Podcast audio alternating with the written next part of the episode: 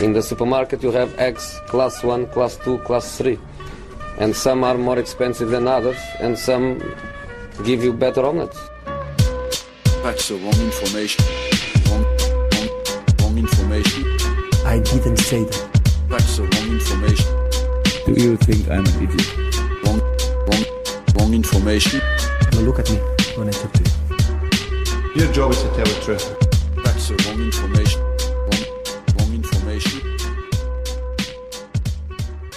Hej och välkomna ska ni vara till eh, Sillypodden eh, hos Sportbladet. Eh, det här är del två för er som har missat att det ligger en del ett och lyssna på först. Så eh, gå tillbaka och lyssna på del ett så är ni välkomna tillbaka. Eh, vi kör på med eh, Leicester som eh, gjort sig av med Nigel Pearson som sagt eh, och tagit in Claudio Ranieri gör comeback i Premier League på bollen. Blir det succé eller blir det flopp? Ja, det är, det är ju väldigt, väldigt svårbedömt. 11 år borta eh, från Premier League. Eh, och eh, det är ju lite kul att eh, Leicester efter den eh, störske och eh, ibland arrogante Nigel Pearson nu plockar in den mycket sympatiske Ranieri för att någonstans eh, få lugn och ro på, på skutan. Eh, väldigt, väldigt svårbedömt ska jag säga. Jag tycker de har gjort intressanta värvningar nu i Okazaki, Hut och, eh, vem var det mer de plockade? Eh, minns jag inte det, bara för det. Det var en tredje spelare de plockade i alla fall.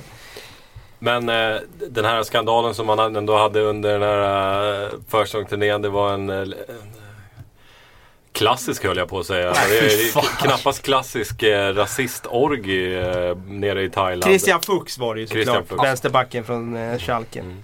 Eh, som stört uppladdningen och får vi väl gissa Sjögren bidrog till att Pearson blev av med jobbet. Det kan man väl säga. Hans son var väl där och hade ett, mer än ett finger med i spelet. Mm. De har ett osmakligt skämt. Eh, så det var väl skönt att de inte tog Peter Schmeichel som ny tränare också. Det var ju lite snack om att han skulle in och ta hand om sin son Kasper och kanske Mm. skicka ut honom i thailändska natten. Jag vet inte vad, vad som hade hänt. Men, nej, men det var ju jävla vidrigt beteende bara som någon slags så här understryker de fördomar som fortfarande finns och i många fall fortfarande stämmer mot fotbollsspelare, omklädningsrum och manliga matchkulturer. Mm. Svårt, att, eh, svårt ändå att hämta sig för någonting sånt för Nigel Pearson med tanke på att sonen var inblandad. Så Ja. rätt beslut kanske. Ja, ganska smidigt beslut för klubben. Det är nog bättre för alla om, om de börjar om. Och man hoppas att hans son nu också fått en rejäl jävla väckarklocka när han inser att han faktiskt har fått sin farsa sparkad. Så Mm. Det, Ja. inte verkar ju. Nigel Pearson verkar ju ha varit lite oense med klubbledningen om just det beslutet Mm. att sparka sonen. Mm. Så att eh, det kändes som ohållbart att hålla kvar honom. Och dessutom med den historien han har, det var ganska många snedsteg under förra säsongen, så känns det ju som att de ändå tar ett rimligt och naturligt beslut. Ja.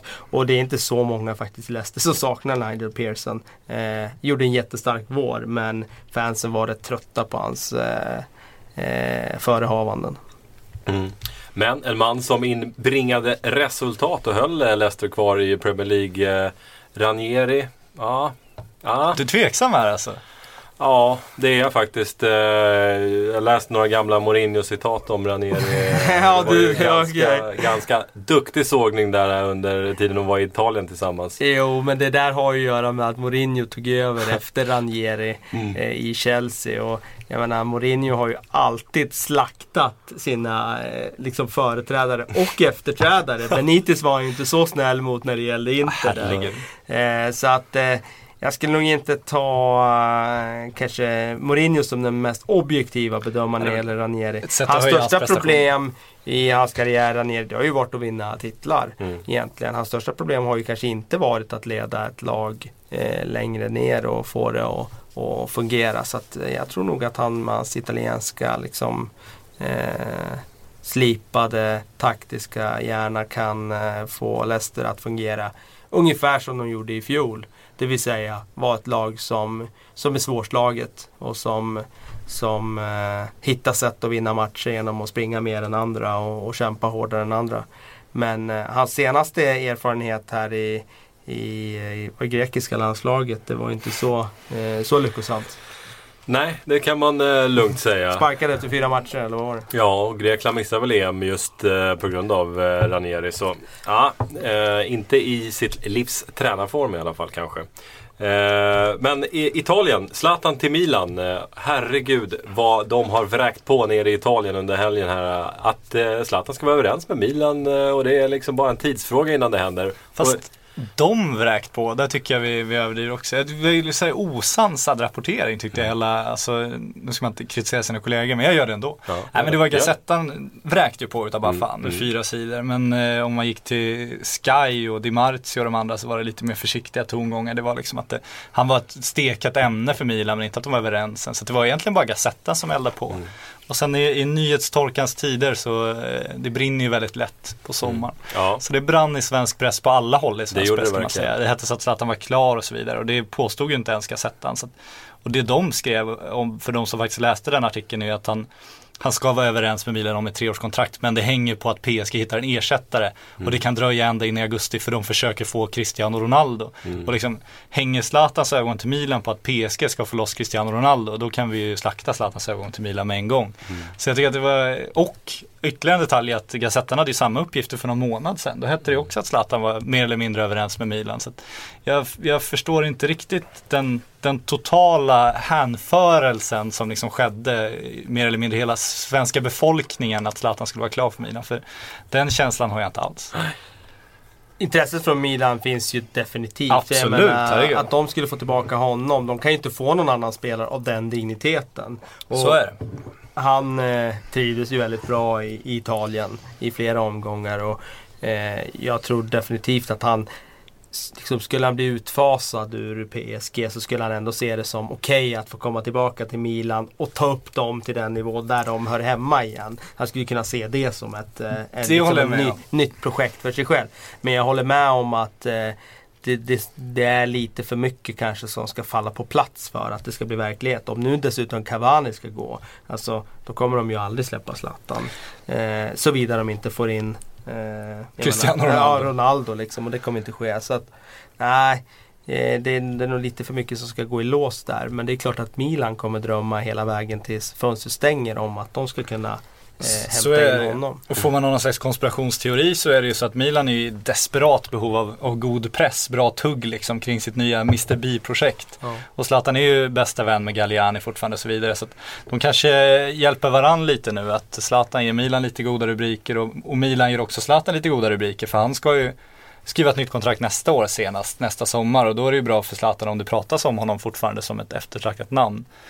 Det är ju ena alternativet. Andra tror jag också som du säger att eh, jag tror inte att Zlatan just nu vill gå till Milan, att han vill lämna PSG. Liksom. Och de som pratar med honom, han, han får förlänga sin karriär för han får ett treårskontrakt. Jo, men han skulle ju få hälften av lönen, vilket innebär att han då och liksom, om man skulle spela ut det här PSG-kontraktet då istället. Det är klart att han skulle mer. kunna få en tredjedel av den Ja, lönen ja, året det efter klart, det. det är Så det är ju bara skitsnack också.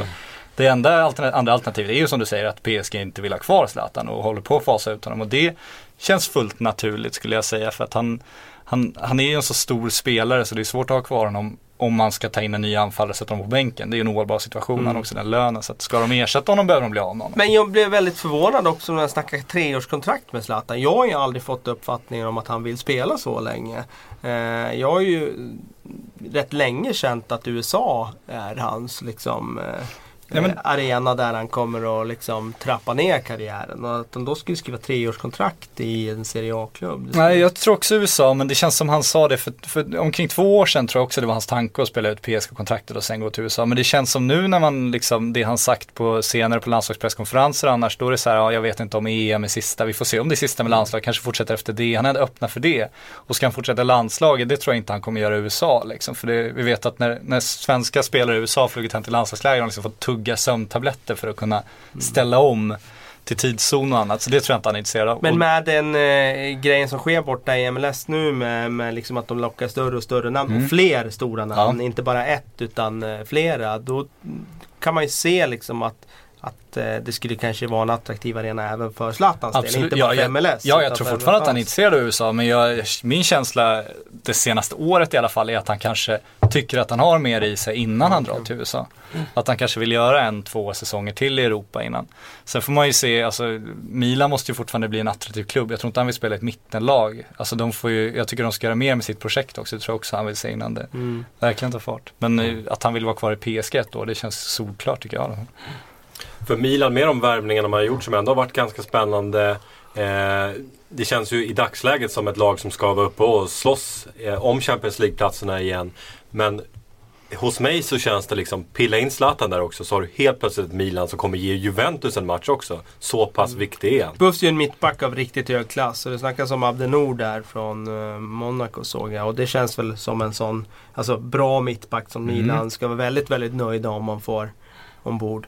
Och då känns de ju väldigt, väldigt intressanta, ja. Men jag tror inte de slåss med Juventus ändå. Det känns ju som de har en bit kvar dit. Eh, jag tror inte att de fäller dem, men jag tror absolut de kan vara uppe och, och hota nu i alla fall. Eh, det, jag tror att Juventus blir sämre. Mm. Jag tror att Milan blir bättre. Och då blir kanske inte det där avståndet så stort eh, ändå. Jag vill plocka upp den där tråden om eh, landslaget och Zlatan eh, lite grann också.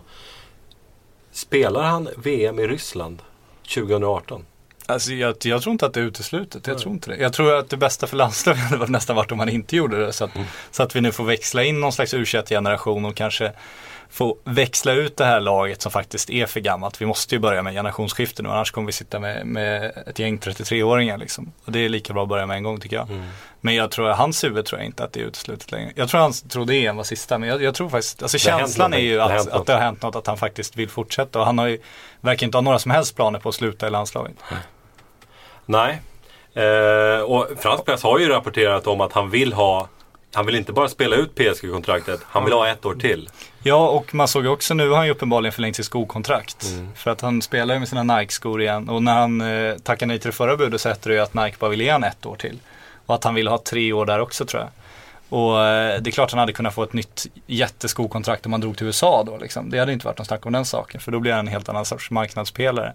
Men det känns som han skrev ett nytt, ja men europeiskt skokontrakt så att säga. Så jag, jag tror också att han kommer köra på och kanske VM ändå. Men det blir ingen Premier League för Zlatan va? Nej, det har han själv uteslutit. Tror inte en sekund på. Nej, det, det tåget har tyvärr gått. Det hade ju varit otroligt spännande att få se han där någon gång. Men eh, chansen har minskat för varje år som har gått. Och att någon skulle plocka över den lönen för en anfallare i den åldern, nej. Han verkar inte intresserad heller. Och han själv tror jag inte heller vill gå. Jag tror att han kanske hade kunnat tänka sig att gå när han stod på topp. Liksom, Och liksom gå dit och, och testa sig då, men inte nu. Då kom Barca istället och det kan man ju förstå om man valde det. Det kan man verkligen göra. Eh, en annan svensk som eh, ja, har lite för- nu, nu för tiden är Oskar Hiljemark som är klar för Palermo.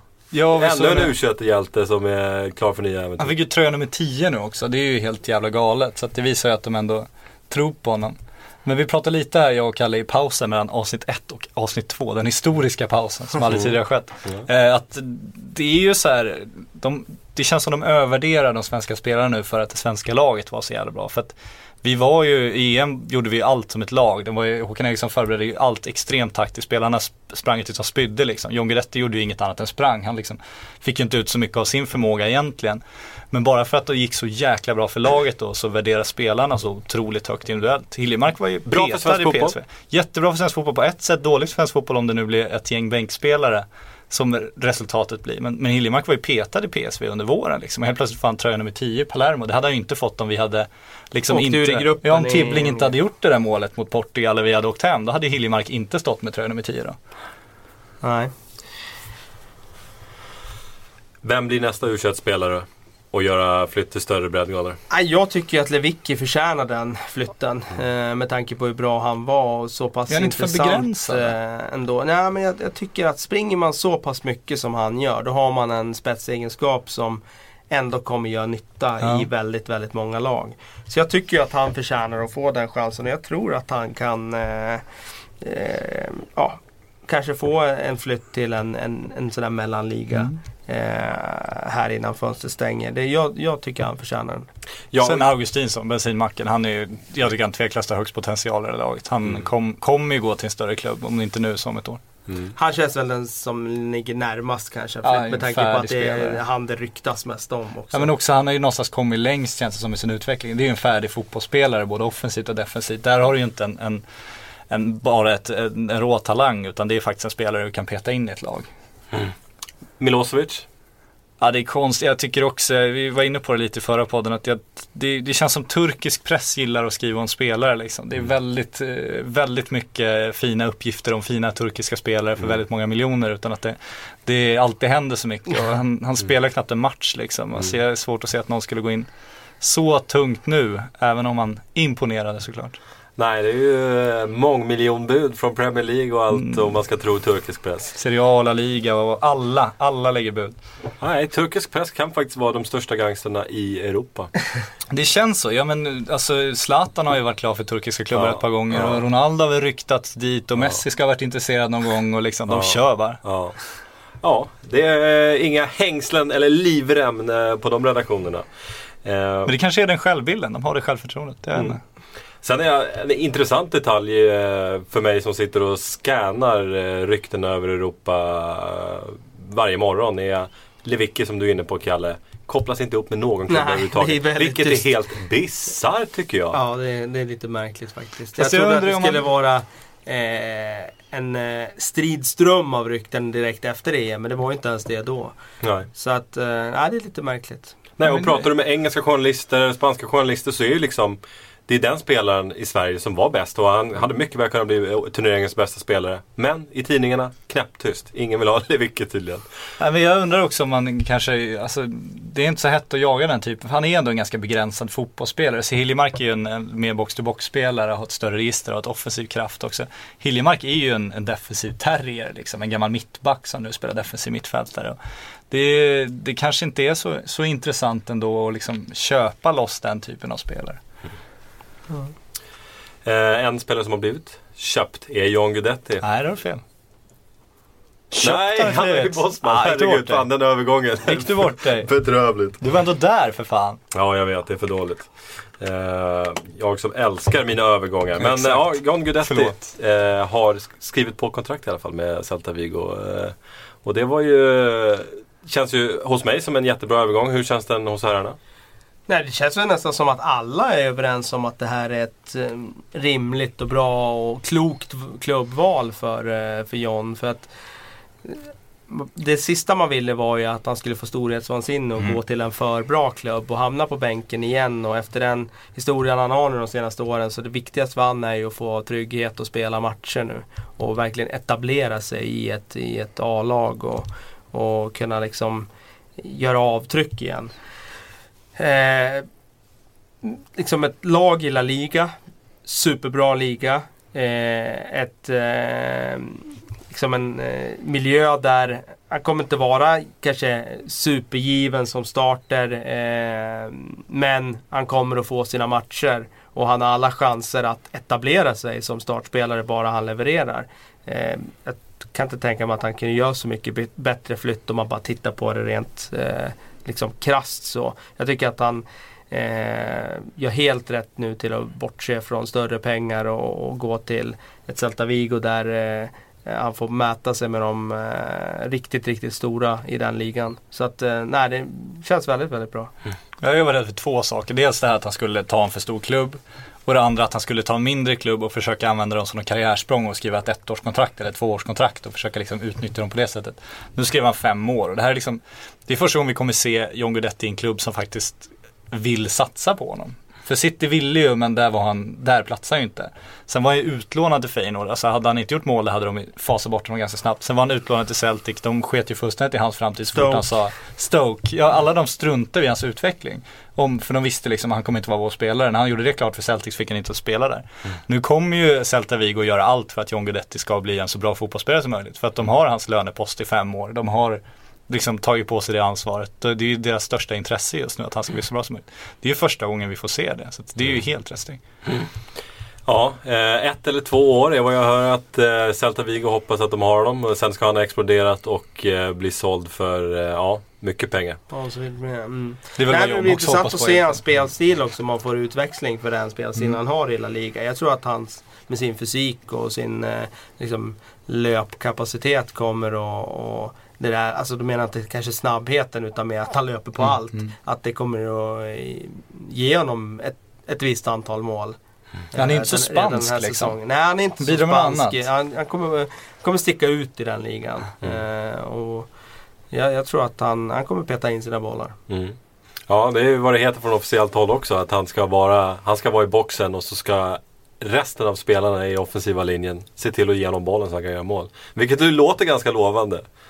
Alltså fick väl, det var, de fick ju behålla sin, sin eh, skyttekung där tyvärr. Han var ju på väg bort men Larry Way, men, Exakt, men vände sig så att, men det känns inte som Guidetti var hans direkta ersättare liksom. Nej, till att börja med så är ju löneposten på Guidetti mycket större. Och, eh, alltså om Larry Way skulle bli kvar, vilket jag eh, också hör kommer inte bli. Förmodligen kommer han flytta till Dubai istället. Så det ska inte vara någon fara. Men eh, hur var, du var ju i Vigo, du får ju Mm. berätta. Vad, togs han emot som en stjärna liksom? Hur var vibbarna? Jag tog en bild där på läktaren. eh, Du tog en meta-selfie tog du. Ja, det tog jag också. Det tog Ja. jag också. Ja, det, men jag fick ju stå och vänta ett tag. Det var ju 500 autografer där som skulle skrivas. fan. Men eh, nej, det var ganska bra med folk. Eller f- det är 500 personer ungefär så på, eh, på presentationen. Och eh, jag hörde mig för lite grann där nere med journalisterna om det var bra eller dåligt. Och då jämför de med Aspas. Då var, när han presenterades här nyligen då var det tusen Ja, personer. Så. Ja, det är ju bra då. Och sen var de också inne på det liksom.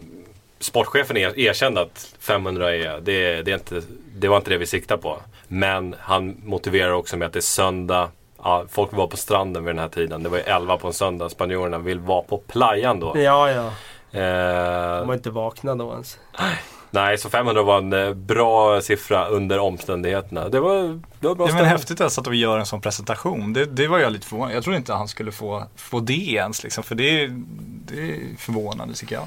Nej men eh, som, eh, som, som vi har skrivit om där tidigare också att Celta var på honom redan 2012 och Mm. fansen var också medvetna om det vilket sportchefen betonar också att liksom, de har velat ha honom länge och fansen har vetat om det så det har varit liksom en, en hype som har hunnit byggat, bygga upp nu eh, och liksom kulminera med u EM-guldet där och så kommer han så Nej, de är för, eh, väldigt förhoppningsfulla inför säsongen. Det kan, han kommer få stort förtroende. Han kommer starta, han kommer ju göra debut kanske redan eh, i helgen här eller i början av nästa vecka när de är på försäsongsläge. Så eh, nej, det kan, eh, det kan bli bra. Ja, det blir kul. Ja, det är eh, till länktips då. Googla TVs presentation för Bocca i natt. Han var inte riktigt på samma nivå. Inte riktigt på samma nivå, men den, den var, den Där, var tog han, han- där togs han emot som Messias. Mm. Men eh, det, är- jag tycker det är superroligt med att La Liga någonstans också blir lite hetare Ja, i mm, Sverige. För absolut. det förtjänar den att bli. Alltså det är en otroligt bra liga som jag själv eh, följer med stort intresse. Och det har ju blivit det där liksom att här i Sverige så heter det bara att det är bara de stora som är intressanta. Men nu blir det ju väldigt många blickar som kommer att riktas även mot mittenregionen i tabellen. Eh, och det, det känns jävligt kul. Och sen är ju Atletico i kul och de fortsätter ju värva smart. Sen har Valencia med sitt projekt. Så Ja. det börjar ju breddas igen Absolut. också. Det är en liga på gång. Ja, det är en annan intressant aspekt i det hela också att Celta Vigo är en klubb som har, som i Spanien är ansedd väldigt mycket som en språngbräda, som en jättebra förädlare av talang. Eh, och just Valencia och Atletico Madrid värvar ofta, nästan varje fönster, från eh, Celta Vigo, en eller två spelare. Eh, så, och Sevilla också för den delen. Barcelona gillar att låna ut spelare till Celta Vigo. Som, alltså, väldigt bra anseende. Så vem vet, det kanske blir Atletico Madrid för John Guidetti härnäst. Eh, om vi stannar i Madrid, Real Madrid, Ike Casillas. Vad håller de på med? Vad håller Florentino Perez på med? Hur skandalöst är den här behandlingen? Jag tycker det, smutsigaste är ju när Pérez sitter på podiet bredvid Casillas och säger att ja, men vi var skyldiga Ike Casillas och låta honom lämna nu när han bad om det. Liksom. Och han har ägnat tre, fyra år åt att bara liksom putta ut honom ur dörren. Så att det är ju riktigt jävla smutsigt. Och där är väl också Mourinho lite ansvar kan jag tycka. Som var den som liksom började ifrågasätta Casillas som första målvakt och vände fansen emot honom. Och liksom kände som han också hade någon agenda och faktiskt förgifta Ike Casillas rykte där för att han ju gick i maktkamp mot honom. Så det är ju riktigt smutsigt. Xavi var ute nu och rasade också och tyckte att det var en ovärdig behandling och det tycker jag verkligen också att det är. Alltså, eh, jag är ju av den där eh, åsikten att alltså, spelarna eh, utnyttjar ju klubbarna i, Ja, ja, i, i så, princip alla, absolut. alla fall. Och, eh, då har inte klubbarna så mycket eh, liksom, eh, vad ska man säga, skyldighet gentemot spelarna. Men är man Ike Casillas så har spelat i Real Madrid i, i, i 100 år och är den ikonen som, som han är och har varit. Och, har gett så mycket, då är det klart att man förtjänar en mer respektfull behandling än, än det här. Och han har ju hållit käften under den här processen också. Han har ju skött det snyggt hela tiden. Så är det ju. Sen, sen har han ju eh, det, det, det är så svårt att bedöma som utomstående så man får förlita sig, försöka liksom lägga pusslet Ja. själv. Men jag, kan- jag, kan ana, jag kan ana att, att Ike Casillas, Casillas under de senaste åren kanske inte har varit så professionell i alla sammanhang. Det ryktades ju där. Men det är ju också, det är ju under Mourinho-tiden är Ja. tillbaka på där, där han var lite oprofessionell under träning och sådär. Jo men han Eh, gick väl en tydlig maktkamp också, han och Ramos på ena laget och sen Mourinho på andra där de liksom ändå försökte få ut honom. Precis, och då kan ju de här uppgifterna från mig komma från Mourinho. Då kan man ju eh, liksom, då måste man ju värdera dem också. Absolut, så det är det. Men inte- det fanns ju en spänning där, den kan vi Precis, ju absolut. enas om. Eh, men det är klart att det är tråkigt att en sån klubbikon får gå ut genom bakdörren eh, på det här sättet. Eh, det, det är klart. Och när de ska ändå liksom skyla över och ge någon slags avtackning och PR ska sitta och liksom tycka att det är sorgligt och låtsas det. Det är ju där det blir riktigt jävla osmakligt alltså. Mm. Har Perez gjort sitt som president i Real Madrid? Nej, Perez kommer köra på. Perez har, eh, han är duktig ändå. Han är en populist liksom. Han gör de här värvningarna som fansen tycker är helt fantastiska. Han, han levererar ja, Champions League-titlar med jämna mellanrum. Nu får man ju ifrågasätta hur bra han är på att leverera ligatitlar. För det är facit de senaste 7-8 åren är fullständigt uselt. De har väl en då. Så att, eh, men han kommer nog sitta kvar. Det känns ju inte som det finns någon så tydlig utmanare som det finns i Barcelona till exempel. Men eh, just behandlingen av Casillas måste ju ifrågasättas. Om de gör sig av med Ramos också så undrar man var klubbidentiteten är på väg någonstans. Nu pratas det om att han ska bli kapten istället, vilket känns som det, det givna valet. Men eh, frågan är hur nöjd han också är med, med behandlingen av Casillas som ju var en av hans liksom anförtrodda. Och Det, var kändes de för någon vecka sedan här som att Ramos eh, verkligen, verkligen var, ville bort själv. Ja, men, men det kan ju varit en protest också mot allt som sker nu och Casillas behandlingen. För det känns ju som, han var ju med Casillas. De var ju de två mo- mot världen som var i form av Mourinho då. Så att, men eh, gör Madrid någonting smart nu så räddar de ju det som räddas kan och, och ger Ramos det han vill ha och liksom se till att bära någon slags klubbidentitet vidare genom honom. För annars blir det fan tunt där. Ja, det är inte bara Casillas som har behandlats eh, tvivelaktigt. Mesut Özil, eh, Ramos kanske bästa vän eh, i fotbollsvärlden, visades ju också eh, dörren. Så eh, Men där kan, där kan jag känna att det kan man väl, eh, där är det lite som Kalle inne på också, spelarna utnyttjar klubbar. Alltså det är ju ett helt annat öde. Där, där är liksom äta eller ätas. Men just de här få klubbikonerna som finns kvar, som ändå är beredda att göra så mycket för sin klubb och har klubben i sitt hjärta, de måste man ju vårda extra väl då när det är en sån värld. För det är de som blivit så värdefulla. är han värd en avtackningsmatch, en hyllningsmatch? Alltså jag fattar inte det här med hyllningsmatcher. inte om du lämnar, alltså om han, om de gör sig av med honom, liksom puttar ut honom genom dörren, ska jag genom en avtackningsmatch då för, för att han var bra tidigare. Det känns ju så jävla konstigt. Jag tror han också, det kanske blir det, men det måste vara konstigt för honom att gå ut också inför fansen som liksom buat ut honom, inför en president som ska stå på sin VIP-hylla och applådera honom då, som han vet liksom har gjort sig av med honom. Ska hans morsa stå där och vara arg också liksom och titta på? Eller hur fan ska det gå till? Ja, det var min följdfråga faktiskt. eh, Ja. Om eh, publiken hade buat ut honom under den matchen också. det, det hade Det hade fan hedrat dem, de var konsekventa. Ja, faktiskt. faktiskt. Men eh, klubbvalet, Porto. Lite grann från ingenstans. Ja, det var lite från eh, ingenstans. Inget USA här, inte, Nej. eh, inget Dubai tack och lov, ingen Qatar. eh, Men Porto. Ja, men kul, det är väl lite samma livsstil, samma klimat. Han kan finna sig till rätta ganska bra där. Han får spela inför helt fantastiska fans. Han får en, en, en lagom sportslig utmaning får man säga. Alltså om han skulle åka till, jag vet, göra en Victor Valdez nu hade det varit ett tråkigt slut på karriären också. Så att jag, jag tycker att det känns som rätt kul va. Mm. Men det är inte så många som kan ta över lönen. Nu, Mm. liksom, eh, nu vet jag inte vad det blir för typ av lösning där med den där jättelönen. Ja, Real får väl köpa ut en del i alla fall Ja. får man väl tänka sig. Eh, det, det, det verkade som att det blev något Mm. sånt. Eh, Nej men roligt, det är kul med spelare som faktiskt ja, men värderar någonting annat också. För han hade ju kunnat dra till USA som en stjärna såklart. Han hade ju kunnat bli ja, men, någon slags eh, ny spelare i någon Premier League-klubb som eh, där han ska kriga om någon plats. Men, nej, men värdigt slut, trots allt. Ja, och de kanske får en ny eh, målvakt att bua ut i Victor Valdes om eh, agenten lyckas eh, eh, få honom till Real Madrid så att säga. Eh, Barcelona, Arda Turan ju, eh, har ju varit en liten het potatis. Värvas när Barcelona har värvningsförbud och får inte spela förrän i januari. When your skin feels nourished and glows, you radiate confidence. Osea makes giving your skin a glow up easy with their clean, clinically proven Mega Moisture Duo. This seaweed powered duo features two of Osea's best sellers, Undaria Algae Body Oil and Undaria Collagen Body Lotion. Glow from the inside out. Get 10% off your first order with code GLOW at OseaMalibu.com. That's O S E A Malibu.com code GLOW. Speciell situation alltså. Eh, till en början så trodde man ju kanske att han skulle lånas ut eh, ett halvår och få spela fotboll. Men eh, det stänger han själv dörren till. Vad, vad tycker vi om det beslutet?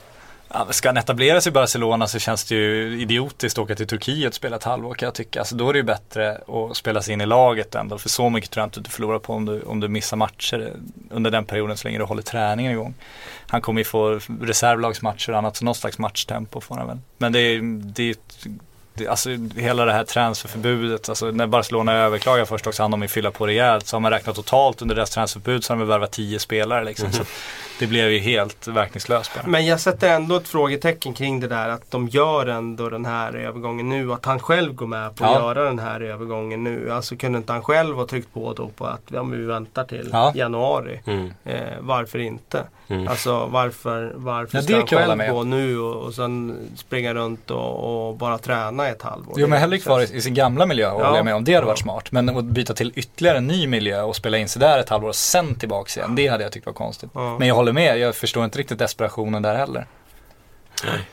Eh, Pep Guardiola, Bayern München. Vi snuddade vid lite grann tidigare men eh, om vi kollar på den truppen som han tog över som hade vunnit trippen och så kollar vi på den idag. Eh, Schweinsteiger lämnat. Eh, han kommer inte få det enklare eh, framöver och liksom bevisa att han är rätt man för Bayern. Att han var eh, rätt man efter Heinkes.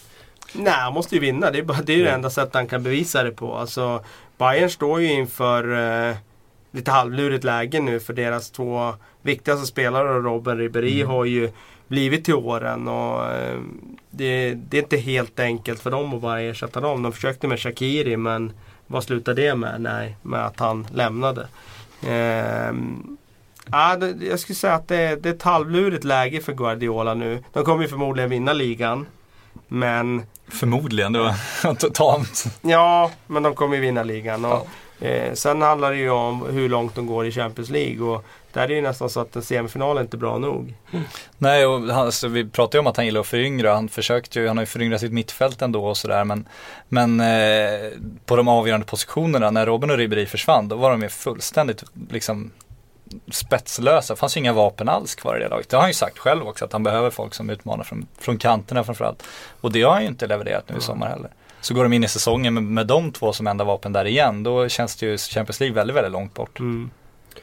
Kan vi också ta och stänga dörren eh, för alltid för det här Thomas Müller-ryktet till eh, United? Det finns väl inte en chans att han lämnar Bayern?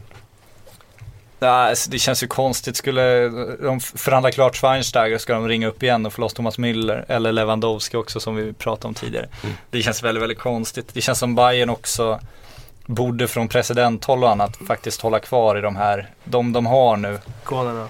Ja, ikonerna. Müller, Alaba och de här innan de här Höjbjerg och de är tillräckligt bra för att komma in. För det är generationen under, det är inte så att de riktigt knackar på dörren ännu. Och skulle Müller verkligen ha en plats i United, eh, alltså det är klart han skulle platsa. Men alltså de har ju ett överflöd idag Ja. av offensiva mittfältare. Exakt. Var, var ska han in någonstans? Alltså, det är inte där United ska lägga sin kraft. Mina herrar, vi har fått rekord mycket frågor eh, och det är väl kanske förståeligt med tanke på vad som har hänt de senaste dagarna. Eh, så det kommer att svaras på mycket läsarfrågor. Gör er redo. Vi börjar med The Swedish Gooner som frågar Behöver Arsenal verkligen en ny defensiv mittfältare? Alltså jag hade ju gärna sett en bra defensiv mittfältare bredvid Coquelin. Eh, alltså så att de två hade kunnat slåss om en, om en plats på det där mittfältet. Eh, men Arsenal förlängde ju med Arteta och då blev ju det väldigt trångt där. Alltså då, då är det ju som att Arsene Wenger har har sagt till, till truppen och omvärlden att Coquelin är tillräckligt bra för att eh, eh, vara första val här. Vi värvar ingen på den positionen. Annars hade jag tyckt att Schneiderlin var perfekt för, för Mm. Arsenal att köpa in till den eh, truppsammansättningen de hade haft. Då hade de ju dessutom haft bättre täckning om Coquelin skulle eh, bryta benet här liksom i augusti. jag tycker inte att Arteta är tillräckligt bra för, för Arsenal då att stå som första val i, i, under en längre period. Nej, hur surt är det för Arsenal-fansen att gå miste om Schneiderlin? Ja, det- de var väl ute efter honom förra fönstret kan man väl vara säker på. Men det känns ju Jag inte tror som att de ryckte i början av den här fönstret också, tror du inte det? Ja, jag vet inte fan. Det känns, så vad blev de ju brädade rätt snabbt känns det som. Jag tror också att det är svårt när United går in just nu. Med det de har på gång så är det nog inte helt lätt att konkurrera. Kvittraren undrar, vad måste City plocka in mer än Sterling för att konkurrera om titeln? Alltså måste jag komplement till Agüero, det saknade de i förra året. Okej att de har tagit in eh, anfallsalternativ men det, de måste ju ha mer kvalitet där känns det som. Och sen tycker jag också Nasri måste ersättas, han bidrar inte så mycket längre. Jag tycker Yahya Touré måste ersättas. Nasri han har ju ersatts nu med Sterling kan man Jo, säga. jo, men, ja. men sen är det ju... Är Sterling den spelaren som lyfter dem till en ligatitel? Det är jag tveksam till om man fortfarande. Han får man nog ge ett par år tror jag. Mm. Eh, nej, sen är det ju en försvarare av toppklass om nu inte Mangala Ja. tänker utvecklas till den där försvararen som, som många hoppades att han skulle bli. Men det är intressant tycker jag om vi är inne på City också nämna med att Roma rycker i Dzeko. Så har de Mm. fått prislappen på honom som ska vara 30 miljoner euro. Höll på att ramla av stolen när jag läste av det. Det är, liksom, det är, ju, det är ju groteskt.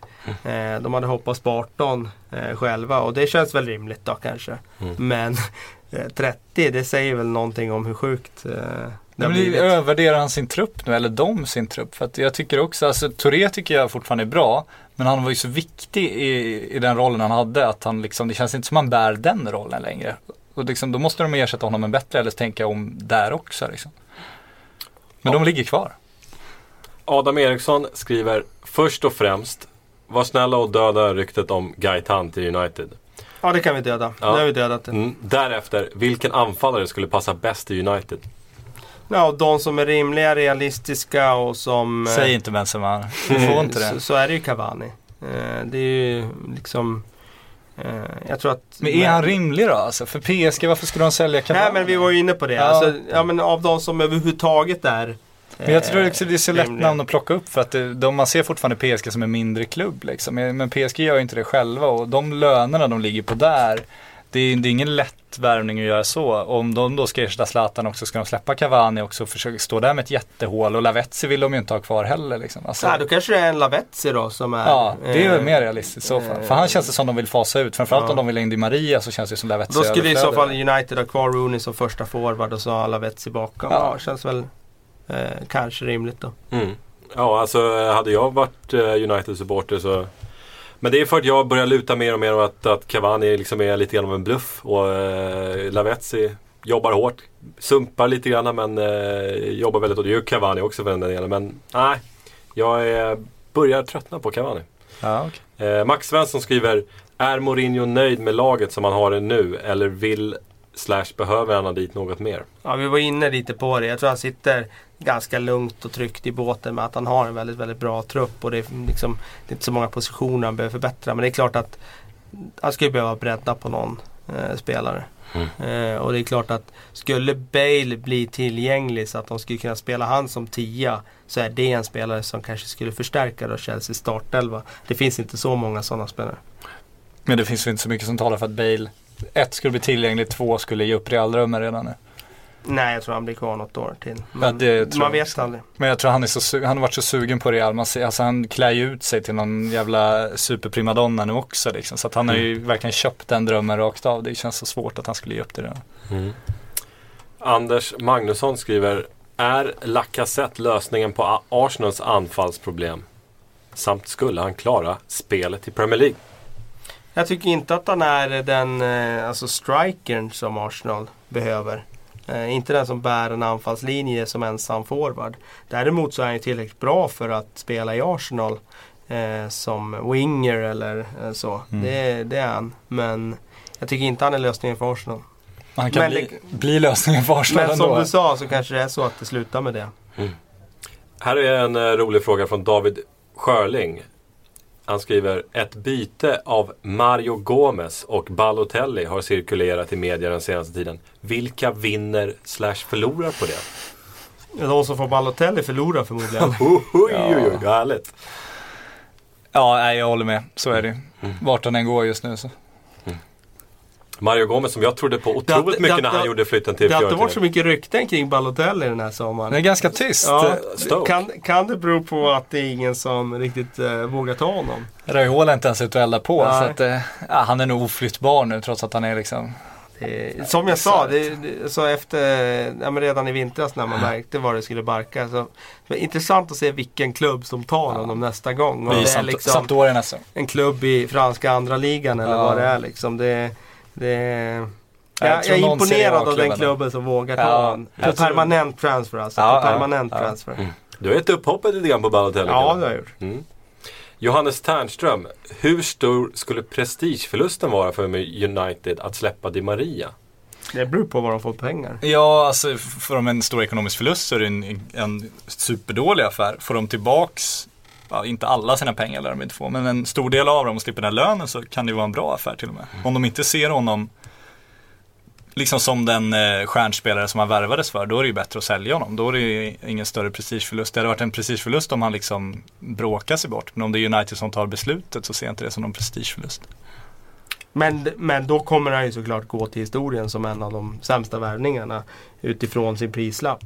Så, ja men beroende på hur mycket de får för honom. Får de tillbaks pengarna så är han ju en en 0-0 liksom. Han kommer in, det Ja. funkar inte riktigt, de fick ändå tillbaks. Då, då tycker inte jag man kan säga det. Så Men om blir de det- skickar rea blir det. bort honom, absolut. Då var, det, då var det en usel värvning. Han var ju en svindyr värvning. Det var ju ett överpris från början, men det var också en desperat situation. Just.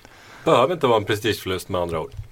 Peter Rodén skriver, ta gärna upp Monaco och deras nya projekt. Och det, den frågan gillar jag i och med att vi har, vi har glömt att nämna El Sharawi som är mm. klar nu i, eh, för Monaco. Som eh, fortsätter att rusta lite grann under radarn Ja. och kan bli superspännande. Ja, alltså det är ju det är kul att de återigen då har börjat eh, liksom få lite luft under vingarna. Nu släppte de ju i och för sig Karaskova. Gick inte an. Och Kondogbe. Ja, Kondogbe Mm. också. Men de har växlat ner en nivå liksom sen skilsmässan. Innan var det Ja, ju ju. Falcao och det var ja, ju. Porto-dubblar och grejer. Ja, nu ja, känns det som ett mer realistiskt projekt liksom. Samtidigt så är det ju fortfarande fullständigt orealistiskt för att det är ingen som tittar på matcherna. Nej. De är liksom mittenlag i allsvenskan Ja, de måste ju publikmässigt. prenumerera på Champions League-spel för att få det att gå ihop då. Eh, och Ja, dra och det blir, en, det är en vidrig fotbollsutveckling om det går att driva en fotbollsklubb utan publik. Mm. Då eh, blir man ju rädd på riktigt liksom. Men det har, ju, det har ju gått hittills. Ja det har gått, fast det gick ju, ja, det gick ju för att han täckte förlusterna. Sen kom ju FFP-straffet. Men nu kommer ju det försvinna och hela FFP lär väl braka samman så småningom känns det som. Det luftslottet, det var hela tiden.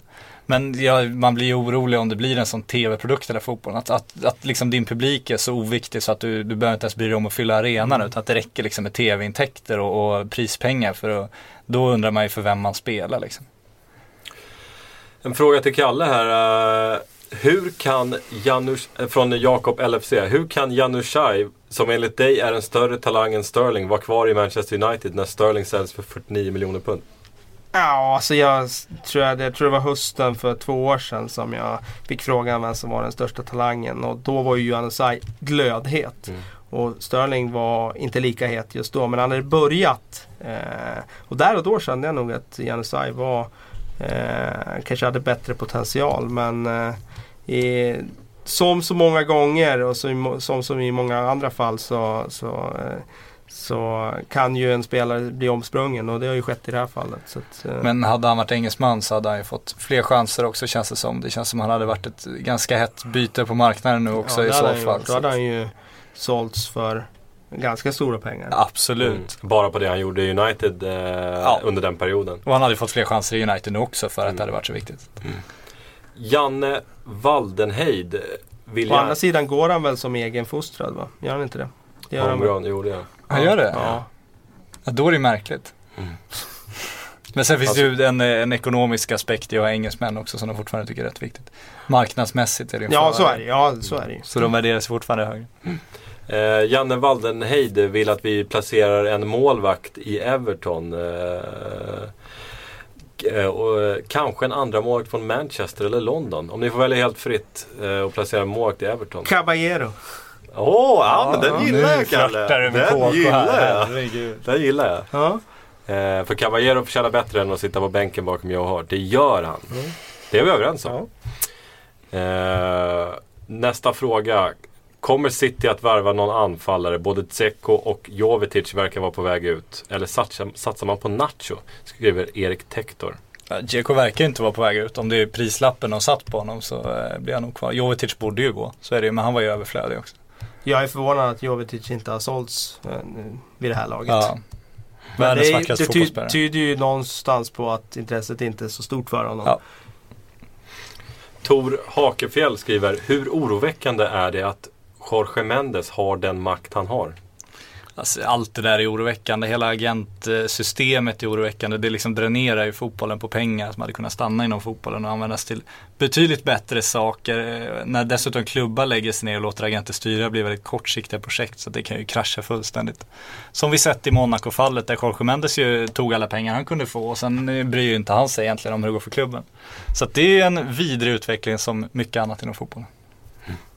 Anders Linder eh, undrar lite grann om Antoine Griezmann som eh, ja, det har varit lite tyst om på sistone. Vart, vart, eh, vart skulle man vilja ha honom? Och jag gissar på att han gärna hade sett honom i Chelsea för han är Chelsea-supporter. Ja, då är det den där svårt- bänkplatsen ja, längst jag, ut. Ja, jag är svårt att se att de skulle köpa. Han är för bra för att liksom För att sitta på den bänkplatsen. Ja, så ta den rotationsrollen som det blir där. Så att jag tycker stanna. Det Ja, tycker jag är en bra eh, lösning för hans del. Tiemon Oko, Okojevo skriver Kabaj till Palace. Årets övergång alla kategorier? Frågetecken. Ja, men den är ju i alla fall eh, lite uppseendeväckande att Pallas ror hem en sån, eh, sån eh, liksom spelare ändå från PSG. Det är, det är ändå häftigt. Jag menar det är inte så många år sedan som Palace slogs för sin existens överhuvudtaget. Nu är de liksom eh, ett lag som eh, slutar i mitten av Premier League och som eh, värvar Johan Kabaj från PSG.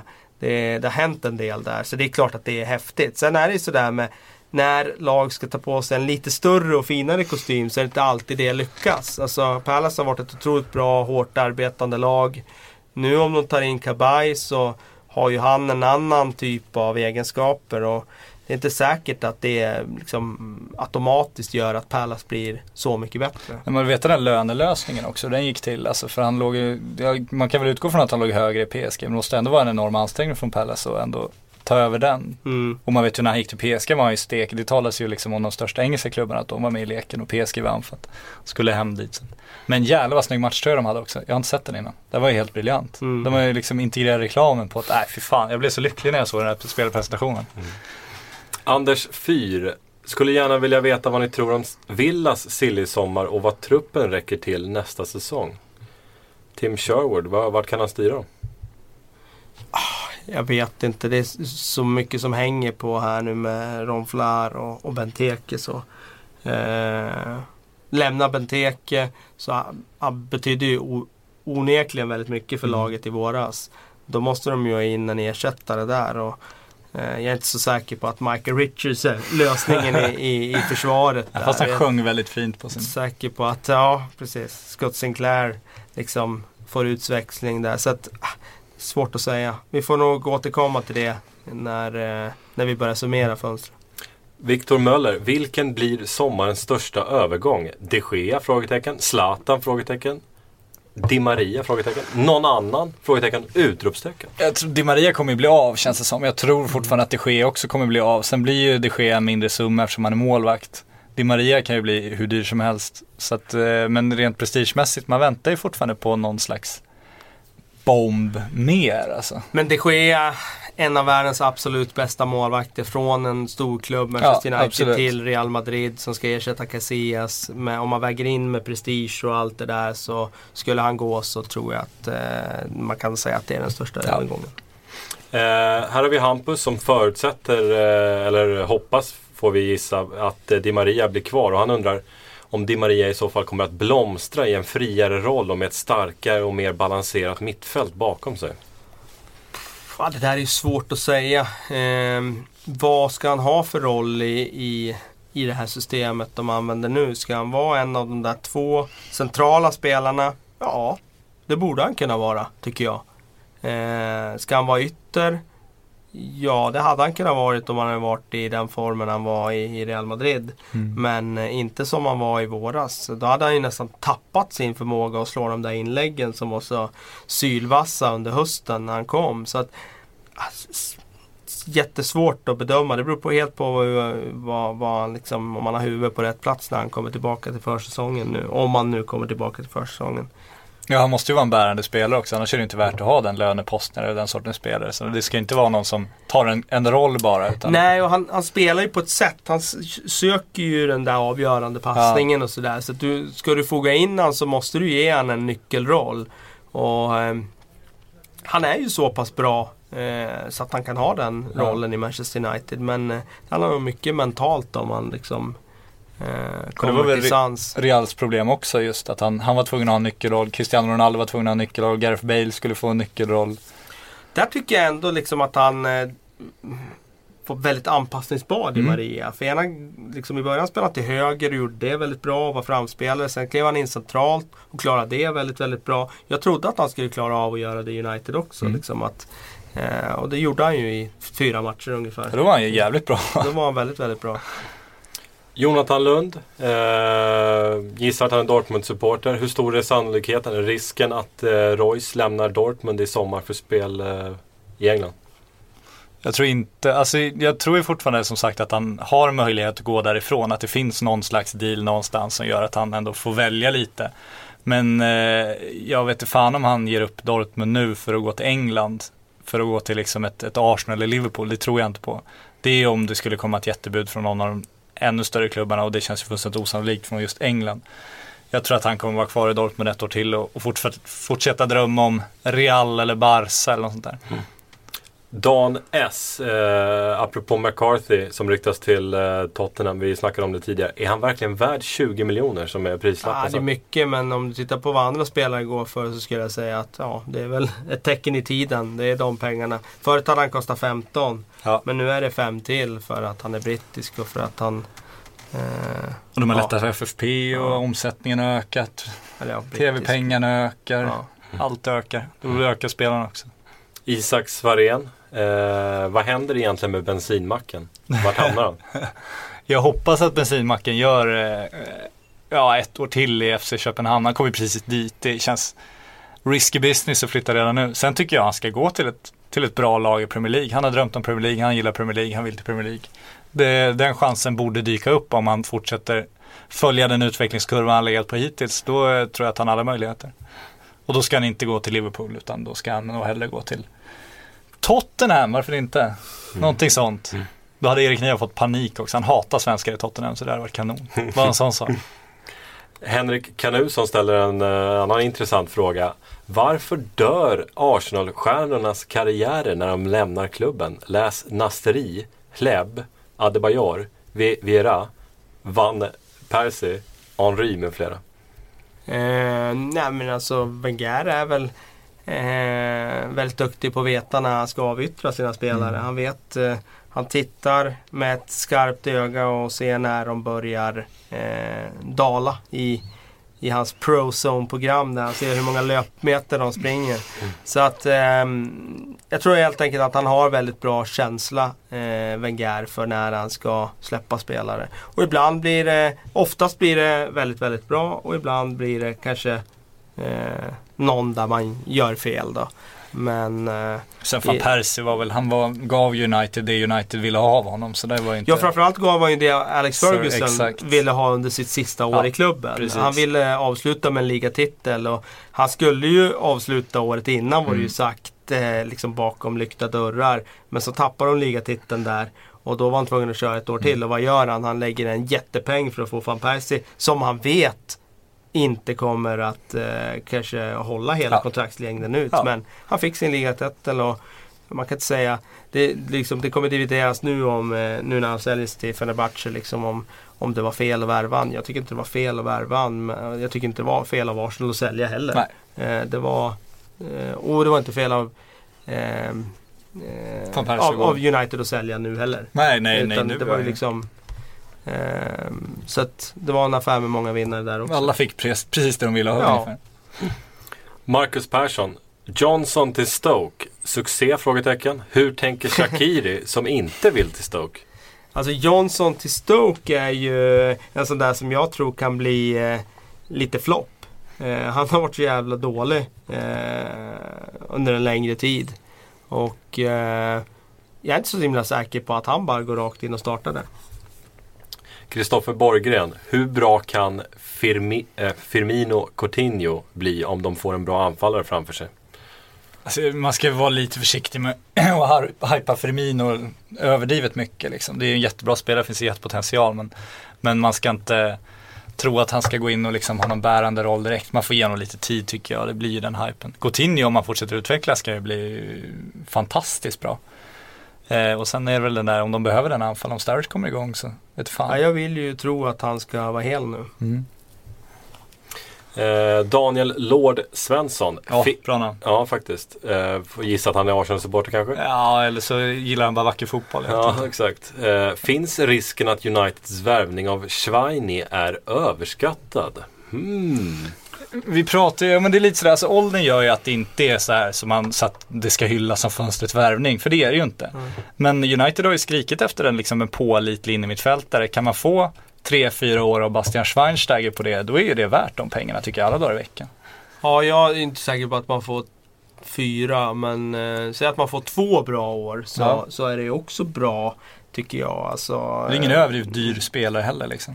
Nej, det är en okej peng och han tjänar en stor lön Ja, i och för sig. Men samtidigt är det bara att titta på vad, vad, vad spelare kostar idag, vad de tarvar för löner. Och det första tysken någonsin är ju Manchester United. Det är klart att de någonstans får eh, något form av marknadsvärde Ja. tack vare det. Eh, det är svårt att bara räkna på kostnader. Alltså, ibland glömmer man de där intäkterna de gör på att värva bra spelare Mm. också. Mm. Så att eh, jag tycker det är en det är en okej värvning. Det blir intressant att se om han själv får den där nytändningen Ja. i en ny miljö. För det kommer han behöva få.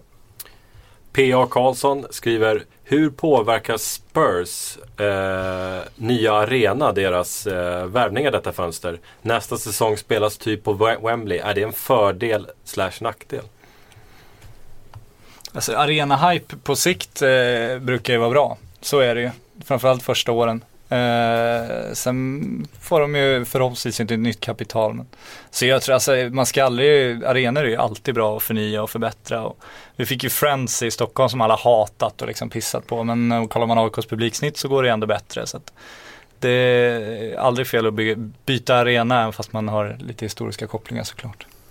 Kasper von Sivers. Vad behöver Spurs köpa för att bli ett hot? Eh, anfallare? Frågetecken. Nej, det tycker jag inte. Eh, jag Bajor för fan. såvida Harry Kane är kvar och spelar med en anfallare så säger jag inte att det är där skon klämmer. Ehm, jag tycker att de behöver ehm, kanske lite mer eh, eh, rutin, etablerad eh, klass i, i sin elva. Eh, istället för att ha de här spelarna som är liksom nästan spelare. Det som är så svårt att köpa, det är det de hoppas Ja. att nästan spelarna blir. Ola undrar, Mika Richards, är han slut eller finns det något kvar att plocka ut? Ja, det är fortfarande som huggen ur granit om du ser han på badstranden. Men, men eh, om, man- om man är en så bra mittback, det vet det fan om man har varit någon gång egentligen. Förutom den där matchen i, i, när han var 19 bast och tog ner Carlos Tevez på Etihad. Men eh, nej, jag tror inte att han eh, eh, kommer att liksom lyfta i Aston Villa. Han kommer säkert göra, lite som Richard Dunn var i den klubben. Han kommer göra matcher där han är fullständigt eh, kolossal i eget straffområde. Och sen kommer de där matcherna när han gör enkla misstag. Och Som vinner tyvärr- självmålsligan. Ja, kostar sitt lag eh, liksom poäng, tyvärr. Jag tror det. Då mina herrar har det blivit dags för mig att tacka för att ni kom in idag. Det var två timmar och det var... Det kändes som att det behövdes, eller hur? Ja, det var lite att avhandla. Ja, fy fan. Ja, när vi diskuterade punkterna innan så hade du ju svinmånga. Man bara, alla de måste vara med. Så man, men det då? Men det då? Men det då? Men det då? Mm. Och nu har vi gjort ett försök att eh, ta en liten bråkdel av allting som har hänt eh, de senaste dagarna. Det har ju varit alldeles galet och det känns så bra att vi gjorde två timmar i alla fall. Nu, eh, nu har vi satt ribban här lite grann. Så- Nu blir det tre timmar nästa vecka. exakt, exakt. Tack så mycket för att ni kom in grabbar. Tack så mycket för att ni har lyssnat. Vi hörs igen om en vecka. Hej!